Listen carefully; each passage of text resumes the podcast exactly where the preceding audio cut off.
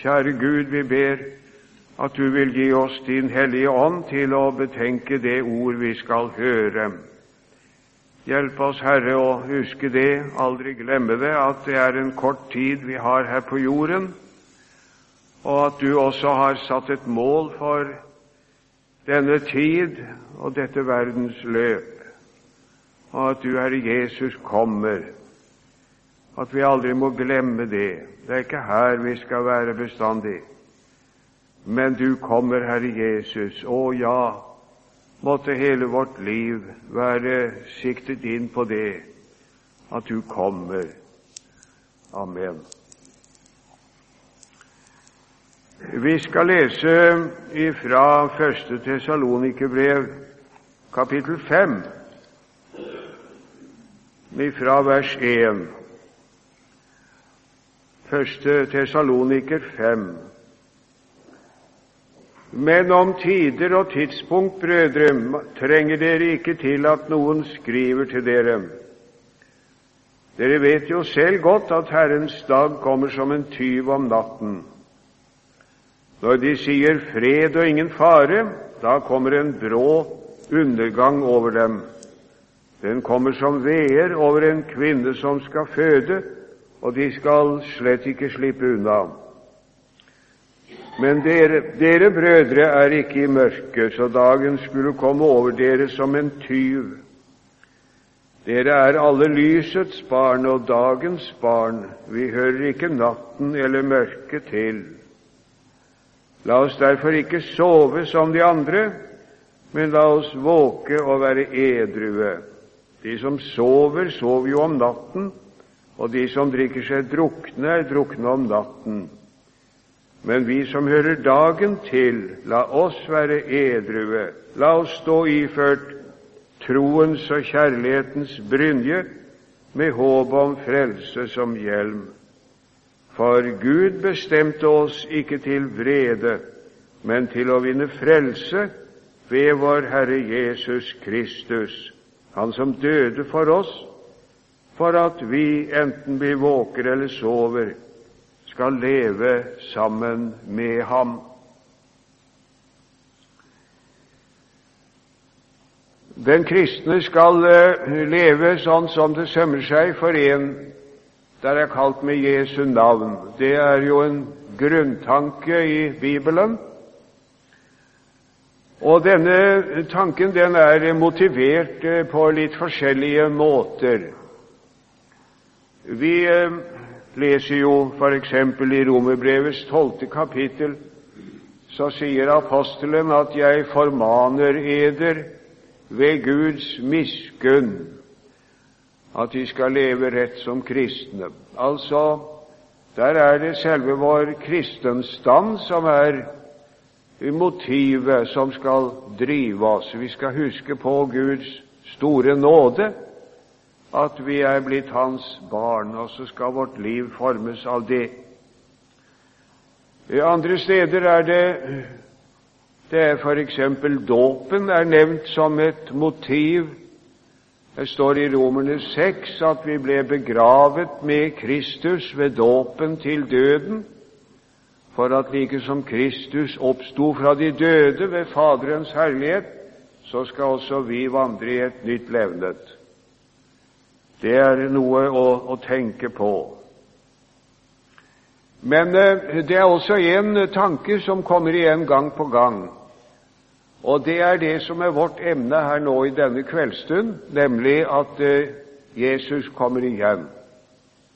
Vi lever i de siste tider, og det skal eh, være for oss en dyp en tanke, en bestemmende tanke, et motiv til å leve et kristent liv. Det var jo det vi hørte her i, i brevet til tessalonikerne, det som vi leste. Dere vet jo det, sier apostelen, at uh, Jesus kommer. Dere vet jo det at uh, dagen den kommer som en tyv om natten. Og da må vi som hører dagen og lyset til, vi må være våkne og leve som, som kristne. Og Den kommer igjen gang på gang, den tanken der. f.eks. i Romerbrevet kapittel 13. Der eh, står det altså en, en slik en formaning til å leve et, eh, et liv som sømmer seg som for en kristen. Romerne 13, 11. Og dette må vi gjøre da vi kjenner tiden, at timen er inne, da vi må våkne opp av søvne. For frelsen er oss nærmere nå enn da vi kom til troen. Det lir med natten, det stunder til dag. La oss derfor avlegge mørkets gjerninger, men iføre oss lysets våpen. La oss ferdes sømmelig som om dagen, ikke svir og drikk, ikke utukt og skamløshet, ikke strid og misunnelse, men ikle dere Herren Jesus Kristus, og ha ikke en slik omsorg for kjødet at det vekkes begjær. Det er den samme tanken. Jesus kommer, dagen kommer. Vi er frelsen, den endelige frelse, nærmere nå enn da vi kom til troen. Vi vet om at vi ble frelst da vi kom til Jesus, men som det har vært sagt ofte, vi er frelst for å bli frelst i den siste dom og komme hjem til Gud.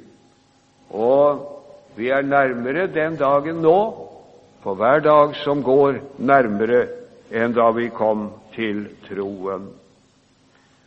Det er så mange steder jeg kunne nevne, fra 2. Peters brev, tredje kapittel og, og, og ellevte vers hadde jeg også tenkt å nevne, hvor vi finner tanken på Jesu gjenkomst og dommen som et motiv for kristne til at vi skal leve sånn som rett er.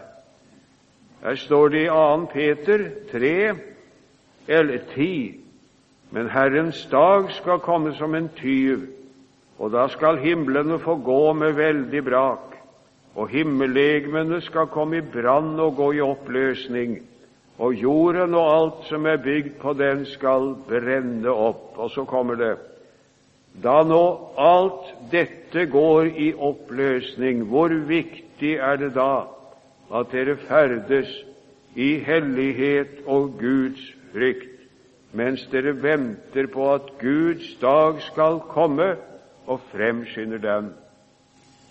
Vi vet tiden den er kort, så skal Herren komme, og så, så um, skal det prege hele vårt liv. Jeg kunne ha lyst til å ta enda en sånn en tanke et sted for å vise hvor, eh, hvor, sentral den tanke er som samler oss her nå i kveld.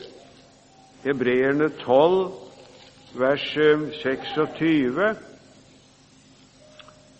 Hans røst rystet den gang jorden, eh, men nå har han lovet og sagt enda en gang vil jeg ryste ikke bare jorden, men også himmelen.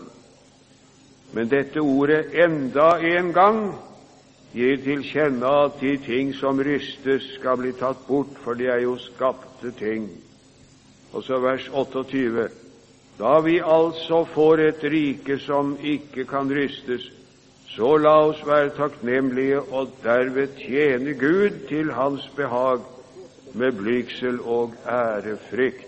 Ja, vi lever i de siste tider, og det må vi aldri glemme, vil Bibelen ha sagt oss.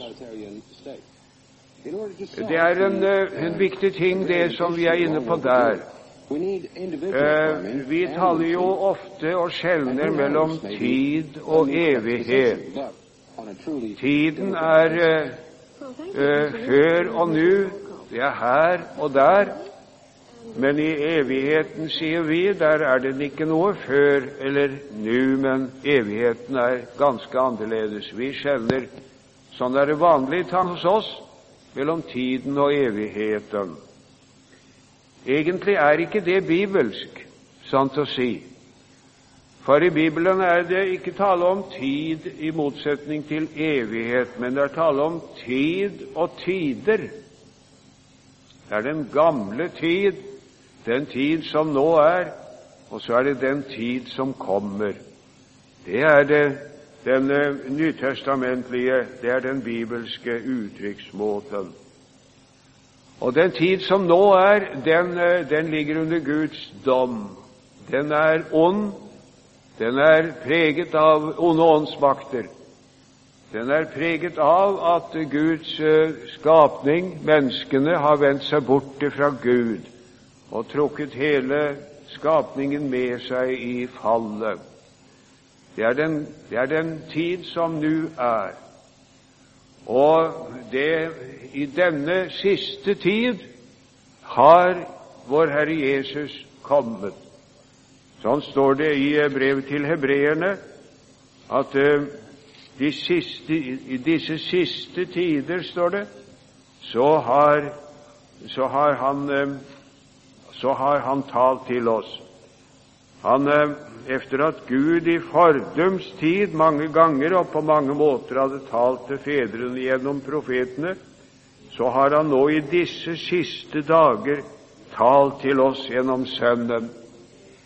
Vi lever i de siste, den siste tid, vi lever i de siste dager.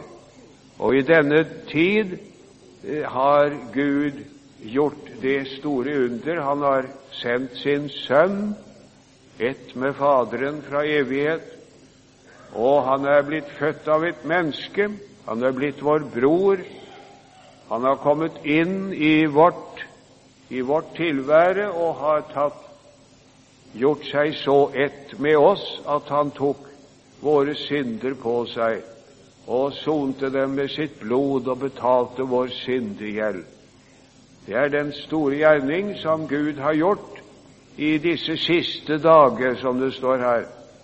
Og så ser vi frem imot en ny tid, en nye tid som skal komme efter at når Jesus, når Jesus kommer igjen.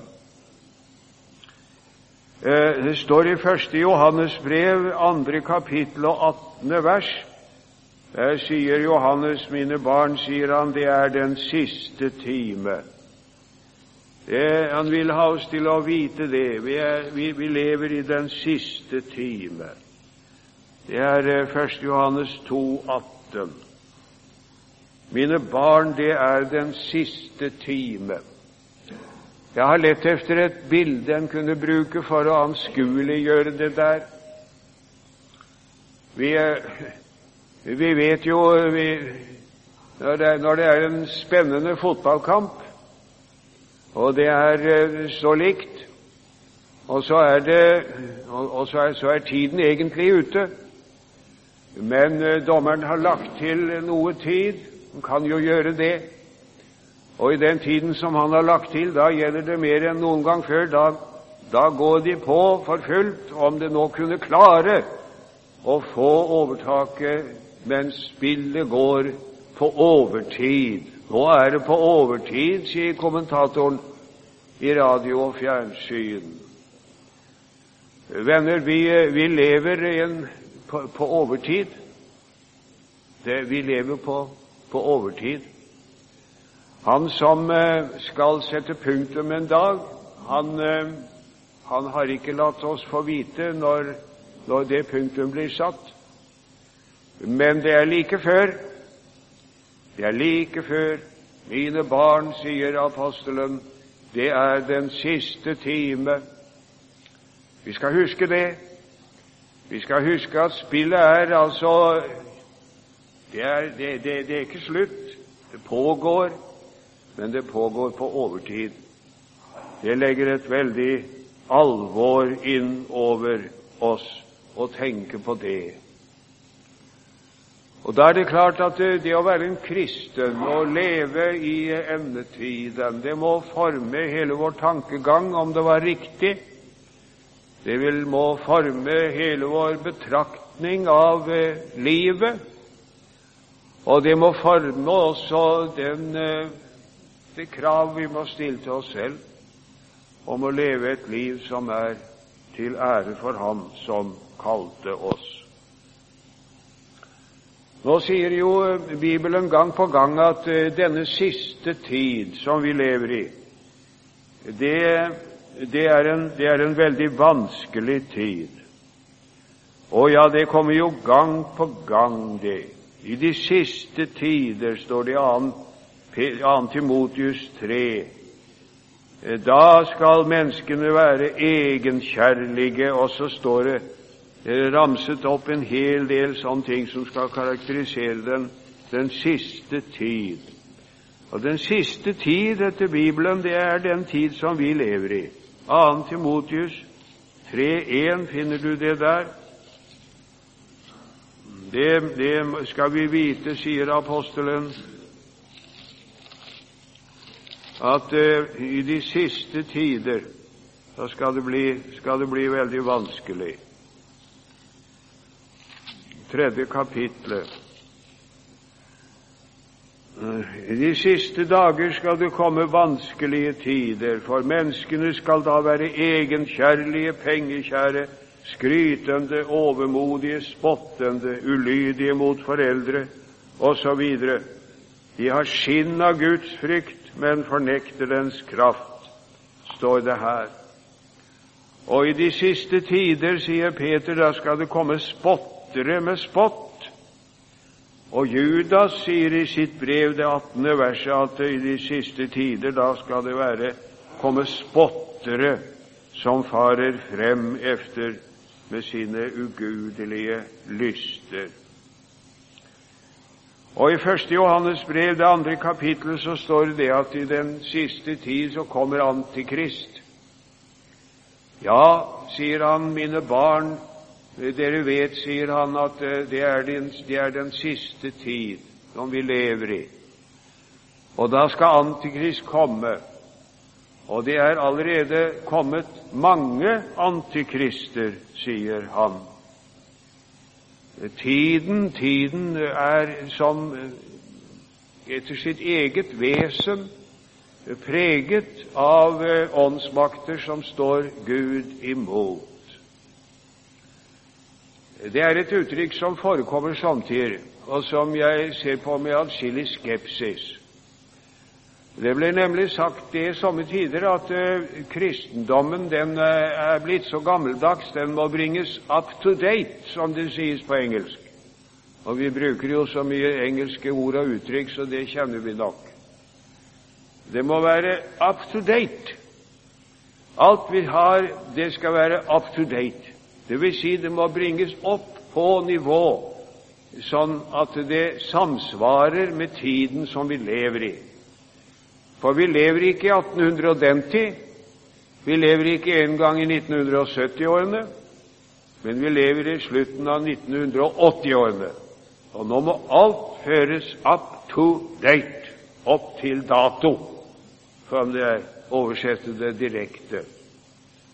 Og jeg tror det er en nokså utbredt fornemmelse av at hvis vi bare kunne greie det, ja, da altså, da skulle det bli saker og ting, for det kan ikke bli annet enn riktig hvis vi har ført vårt arbeid, vår virksomhet, vår tankegang, vår forkynnelse osv.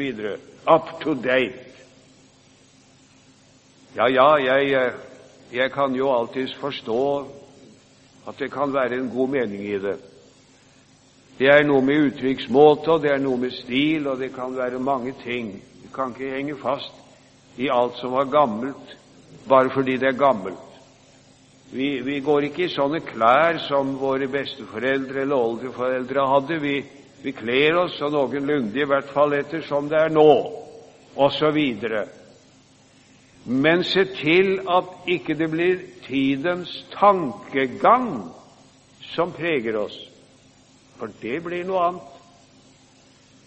Tidens tankegang efter dens, eh, dens egentlige intensjon er alltid Guds ånd og ord stikk imot. Det er helt sikkert, det. Og Derfor er dette med mine barn det er den siste time. Og som dere vet at Antikrist kommer, så er det allerede nå mange antikrister. Ja, det skal være sant og visst at det, det er det. Og det vil alltid eh, altså, dukke opp altså, ting ifra, ifra i, i, til enhver tid som kommer noe nytt, tror man. Nye tanker, nye ideer. Og menneskene griper straks dette og tenker som så at nå, nå, nå har vi omsider sett hva som er riktig. Den gamle kristendommen, den, eh, den duger ikke, i hvert fall ikke nå lenger. Men vi må få en ny skikk på det og bringe det up to date. Ja, ja, se til at eh, det ikke blir vår tids tankegang som preger det hele, for vår tids tankegang er alltid antikristens tankegang. Og Derfor er det så helt karakteristisk at Jesus og apostlene gang på gang advarer og sier at de kristne som følger Jesus, de skal bli forfulgt.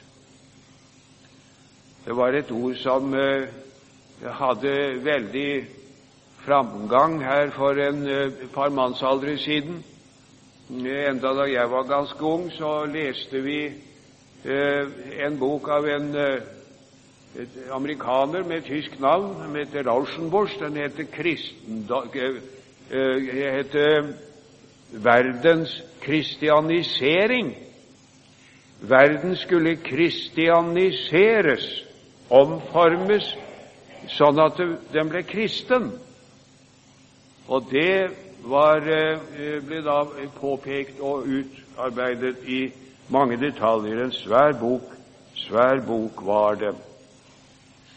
Det er en risikabel tankegang, for uh, uh, det er ikke det som er det bildet Bibelen tegner, at vi litt efter litt skal liksom omskape verden så den blir kristelig. Det er ikke det. Det bildet vi får i Bibelen, er at de kristne blir forfulgt. Har de forfulgt meg, sier Jesus, så skal de forfølge dere. Det står i Johannes kapittel 15 og vers 20. Og i eh, det store kapitlet om de siste tider, Matteus 24, der sier Jesus jo at de skal trekke dere frem for landshøvdinger og, og, og, og konger, og dere skal dømmes, og dere skal slå dere i hjel. Og det skal skje at den som slår dere i hjel, skal tro at han gjør Gud en dyrkelse. Sånn at det, verdens ånd og Guds ånd, som skulle jo bo i din kristne forsamling, står hverandre egentlig ganske imot. Det må vi være ganske klar over.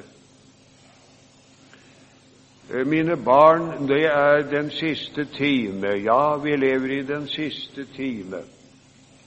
Men eftersom da dagen nærmer seg, så blir det jo for oss å tenke på den siste tid i en rent spesiell forstand, for det skal jo skje en del ting som ennå ikke er der.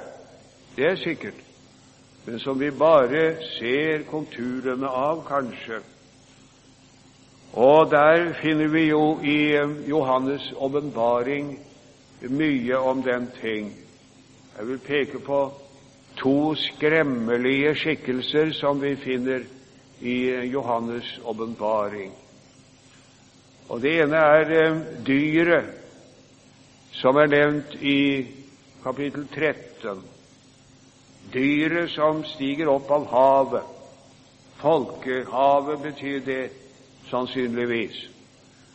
Og det er verdens herskeren som vi ser der. Det er Antikrist i skikkelse av en verdens hersker, og han har et annet dyr, som det står tale om, som er hans propagandaminister, skulle man kunne si, og som får alle mennesker til å tilbe dyret og alle må ha dyrets merke på hånd og panne, og de kan ikke verken kjøpe eller selge uten at de har dyrets merke. Han står det. Ja, vi som lever i denne tid, kan lett tenke oss en sånn situasjon. At alle mennesker skulle ha dyrets merke og skulle ha så kontroll med alle at de verken kunne kjøpe eller selge uten at de hadde dyrets merke, ja, det er jo teknisk mulig, uten all tvil, det nå i dag. Med den uh, utrustning som finnes. Vi står jo med nummer og tall i registeret alle sammen. Og med datamaskiner så går det an å finne frem på et lite bitte øyeblikk alle opplysninger som finnes om hver enkelt en. Ja, det er vel ikke utbygget sånn enda hos oss, men uh, det er så mulig at uh, mange innsiktsfulle folk er redd for dette som der foreligger, og vi har noen som skal verne oss imot det. Det skal komme en dag, sier, sier Guds ord, da det skal komme dette dyret fra avgrunnen, Antikrist, som skal ha makten og kreve makten over alle, så at de endog skal tilbe Han. Vi fikk en liten generalprøve på det under siste krig, da nazismen reiste sitt uhyggelige hode. Og da vi fikk, eh, i en begynnelse i hvert fall Det varte heldigvis ikke så lenge at de fikk viljen sin men meningen var at barn og ungdom, og etter hvert alle, skulle opplæres i en samme tankegang, en samme lydighet overfor et program som var Guds ord i bunn og grunn stikk imot. Og det var ikke rom for noen protest. Og det så jo klarskuende mennesker allerede før siste krig hva vei det bar og skrev om det og advarte oss og pekte på det. En stat altså som har slike krav på lydighet at man kommer i konflikt med det første bud. Du skal ikke ha andre guder enn meg, sier Herren. Og Det betyr etter vår katekismus vi skal over alle ting frykte og elske Gud og sette all vår lit til Ham alene. Ingen har krav på den lydighet uten Gud. Og vi som lever i den siste time, skal være klar over det der. Vår lojalitet, vår lydighet, vår hengivenhet, den må gå imot Gud og Hans Sønn, vår Herre Jesus Kristus. Og alt som kommer opp imot det, må vi si nei til, om det så skal koste livet. Og det har kostet mange livet. Da jeg var en guttunge og gikk på skolen, så hørte vi at martyrtiden, det var det de første 300 år, det. Det var martyrtiden. Å nei, det har vært mange, mange, mange flere martyrer i vår tid som lever nå, enn i de første 300 år. Den sak er ganske klar. Og det er denne bevissthet altså om at vi lever i den siste time, og at vår lydighet skal gå opp til Ham som sitter på tronen, og ingen annen, hvis det blir en konflikt den må prege en kristen i endetiden. Den andre skremmelige skikkelsen i Johans åpenbaring møter vi i kapittel 17. Og om den første var dyret, så er den andre skjøgen. Skjøgen, som, eh, som det står om der, det er også en en, en, uhyggelig, en uhyggelig skikkelse. Hvem er denne skjøgen? La oss lese noen, noen vers. Det er kapittel 17, det. Kom, jeg skal vise deg dommen over den store skjøgen, hun som sitter over de mange vann, med henne har jordens konger drevet hor. Og der så jeg, står i vers 3, en kvinne sitte på et skarlagenrødt dyr som var fullt av spottenavn. Kvinnen var kledd i purpur og skarlagen og smykket med gull og edelstener og perler. På hennes panne var skrevet et navn, en hemmelighet, Babylon den store, mor til skjøgene og til stygghetene på jorden. Og jeg så kvinnen drukken av de helliges blod og av Jesu vitners blod. Engelen sa til meg, hvorfor undrer du deg? Og så står det videre da om, om dette, dette dyret. I vers 15 De vann som du så der skjøgen sitter, er folk og skarer og nasjoner og tungemål. Og så ser vi jo i, vers, i kapittel 18 18 at, eh, at, eh, at Babylon faller. Skjøgen faller, skjøgen blir dømt. Hennes synder nå like til himmelen, står det i vers 5. Gi henne igjen som hun har gitt. Og, eh, og så, så skal da dommen komme. Ved, står det, vers 16, den store by, du som var kledd i fint lin og purpur og skarlagen. Og vers 21, en mektig engel løftet en stein som en stor kvernstein og kastet den i havet og sa, slik skal Babylon, den store by, med et styrtes ned og aldri finnes mer. Vers 24, i denne by ble funnet blod av profeter og hellige, og av alle dem som er blitt myrdet på jorden.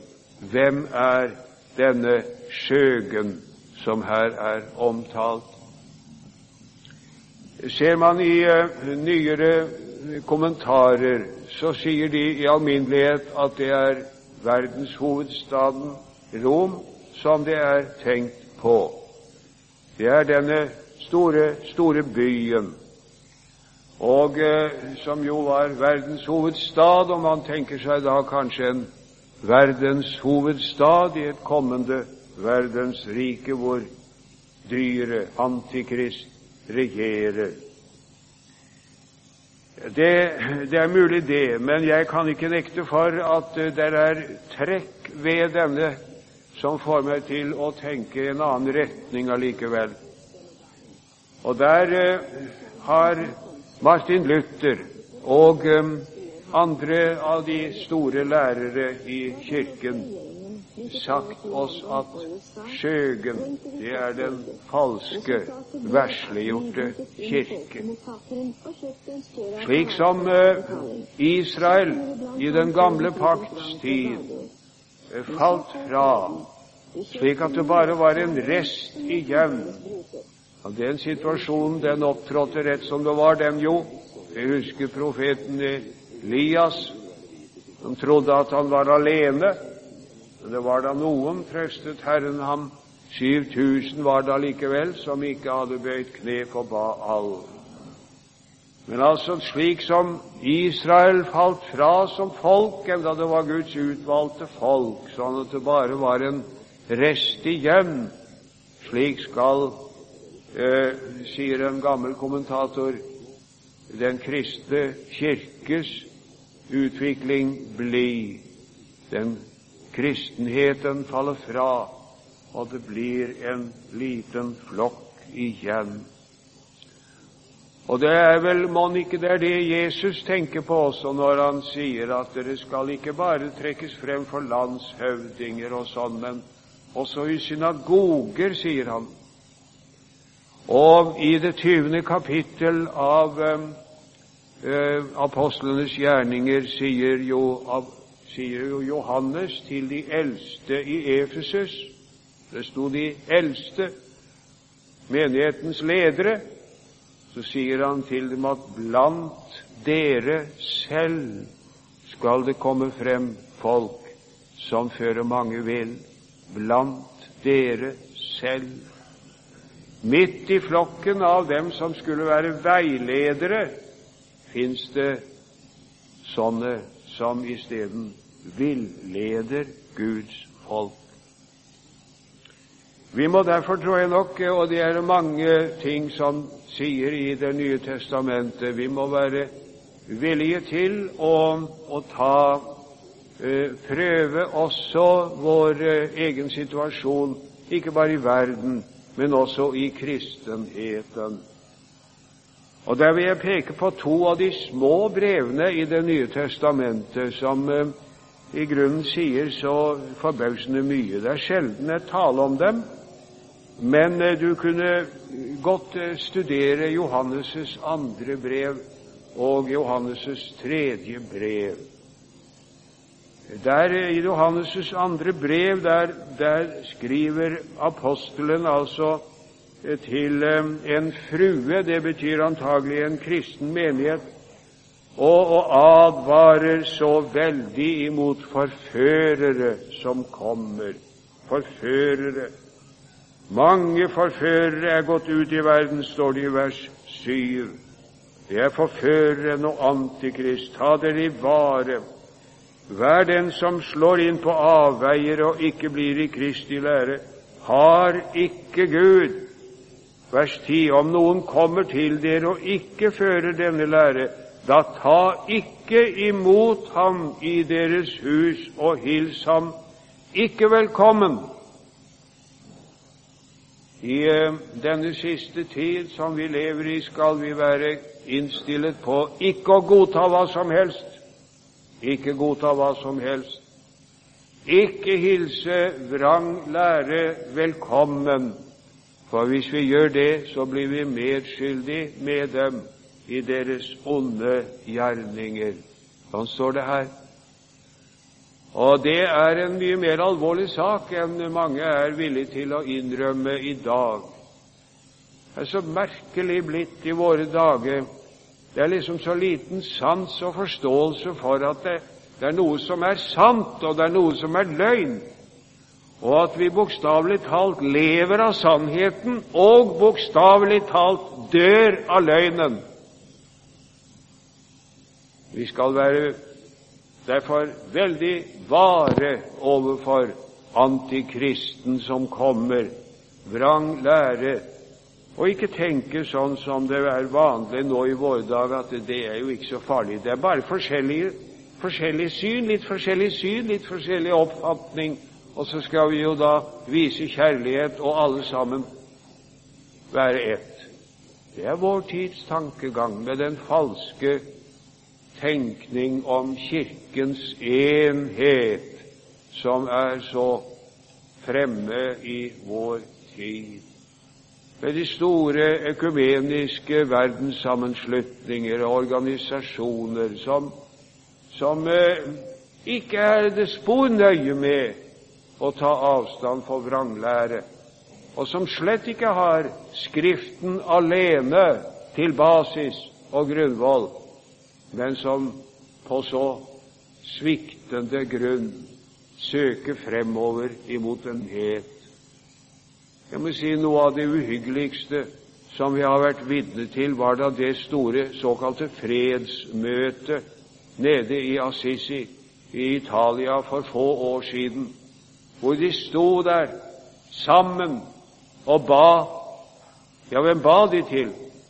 Det var paven og det var gresk-ortodokse anglikanere, metodister og pinsevenner og lutheranere, og det var Dalai Lama, og det var hinduer og indianere, og det var muslimer og hva det ellers fins av religioner, sammen i bønn til Gud. Det er ikke efter Bibelen, det der. For uh, Bibelen sier det kommer ingen til Faderen uten ved Sønnen.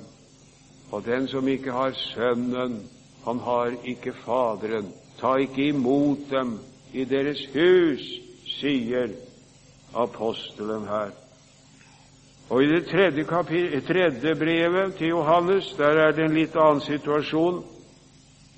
Der, der sier apostelen, skriver til en som heter Gaius, at du må ta imot brødrene som kommer, sier han. Men Diotrefes, som gjerne vil være den fremste blant dem, han tar ikke imot oss.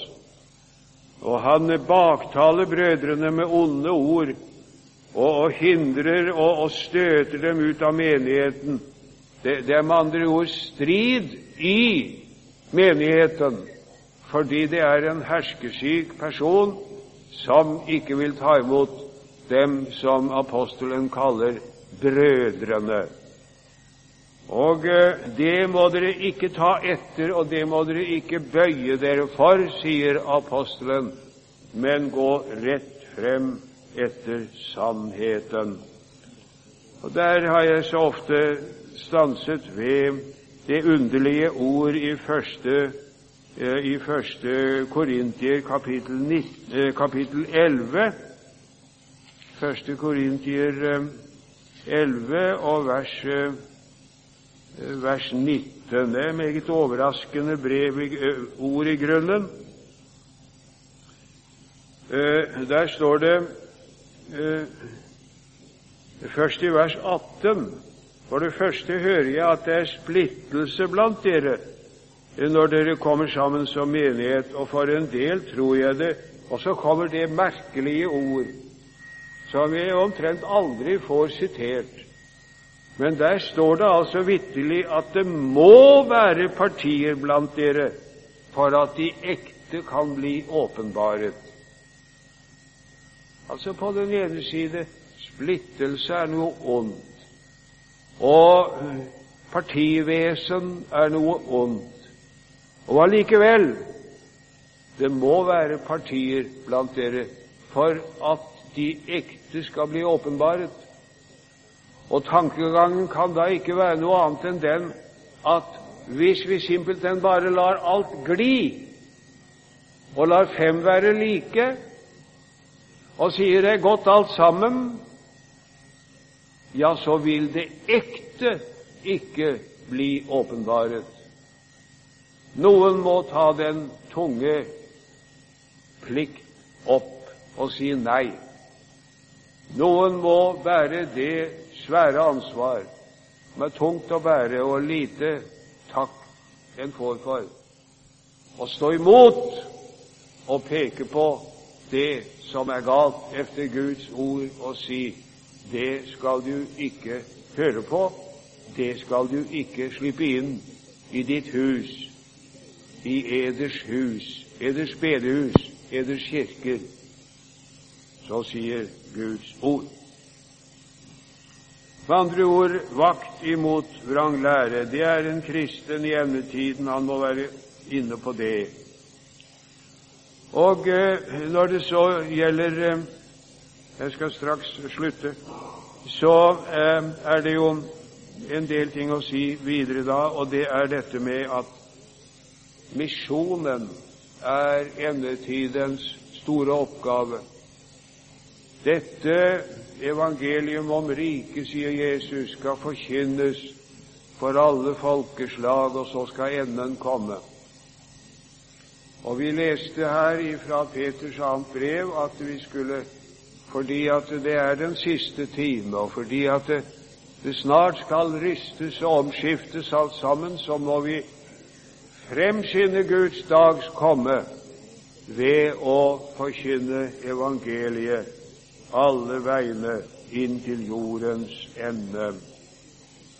Og det jeg sa vi, vi arbeider på overtid. Snart kommer eh, signalet ifra Han som vet når det skal slutte, og som bestemmer nå er slutt. Kommer snart.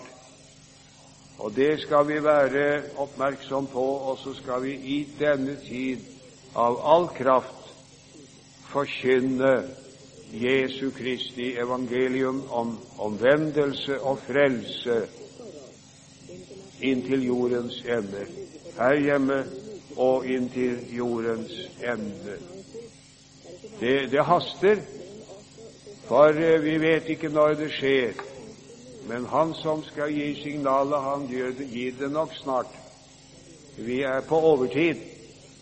Og så gjelder det å nytte tiden til Hans navns ære og til sjeles frelse. Hjelp oss til det, kjære Jesus.